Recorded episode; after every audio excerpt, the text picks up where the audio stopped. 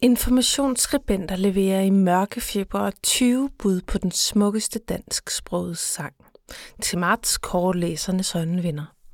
Og spørger man mig, Bodil Skovgaard Nielsen, når intet andet Kai Munk og Egil Harders store lille mirakel i den blå anemone.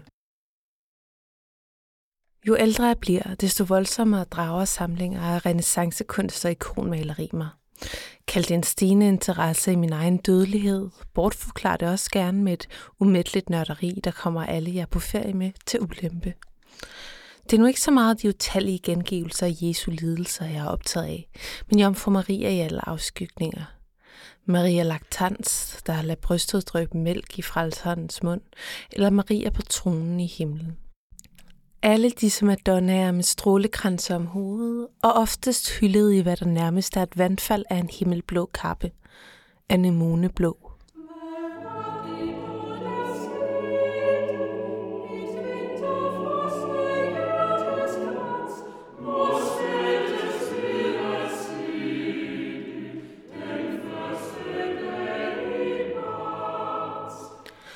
Det er, tror jeg, den farve, som den danske præst og modstandsmand Kai Munk digtede om i den blå anemone. Den lille forårsbebuder, der vrider sig op af den frosne jord, lignes i digtet med en fli af nådens trone.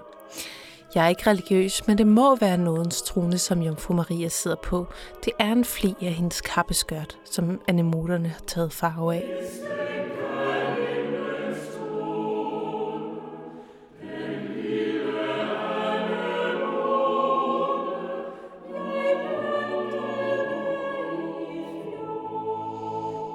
Blå er anemonens farve, den dobbelthed. Som en sø spejler himlen, spejler den lille blomst også det store blå vælde ovenfor, men kommer selv helt uforståeligt op nede fra den mørke mul.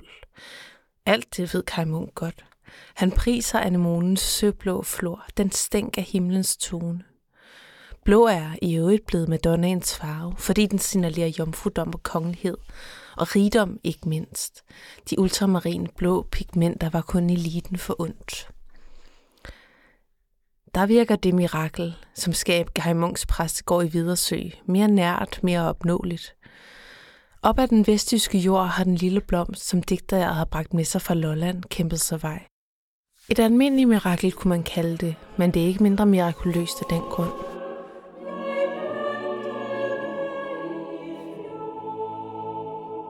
Digtet blev første gang trygt i det, der skulle blive Kai Munks sidste digtsamling, Den skæbne ej til os, der udkom i skjul og i ganske få eksemplarer under besættelsen i 1943. Munk blev selv skudt ikke lang tid efter, 4. januar 1944 i Hørbølunde Bakke. Og digtet er der også en fortælling om det lille liv mod den hårde verden, modstandskampen skjult som et rodnet under jorden mod den brutale nazisme. Melodien er skrevet af komponisten og pianisten Egil Harder ved befrielsen 1945, altså efter mordet på Munk. Den har noget lidt jazzet over sig, som den duer i de første par linjer. I femte linje sker der et skift mod noget mere klagende, som melodien hopper en oktav op og lader al angsten og trængslen få plads. Det er den her del af melodien, vi hører Manemonen, der burde savne sit skovkvarter, sin brune jord og sit fede lær. Og så til sidst forsoningen. Nu gør min anemone, mit hjerte er der glad. Melodiens lille sørmodige drama gør mig ør hver gang. Men det er lige så meget tekststumperne, der kommer af mig i hu, hist og pis. En lille amazone og dog min anemone lyder et af rimene, der for mig rummer det samme under som Jomfru Maria-ikonerne. Hvordan kan denne kvinde både være moderlig realitet og guddommelig udsending? Anemone og Amazone, ordmaterialet er så næsten ens, betydningerne så fjernt langt fra hinanden. Kamp og skrøbelige blomster, modermælk og bryster skåret af, ukulige begge to. Digtet har også selvomsorg, der passer på, at hjertet ikke håber for meget. Jeg kan høre sukket i linjen. Så gik jeg her og ventede og tænkte, den må dø. Men jeg læser det ikke som håbløshed, snarere som et forsøg på at sikre sig selv mod at blive alt for skuffet. Den direkte tiltale i sidste linje er også utrolig. Du lille anemone, hvor er din skaber stor? Der skulle egentlig have stået vores skaber, men på grund af en trykfejl kom det til at blive din skaber. Det kan jeg også meget bedre lide. Det gør nærmest underet større.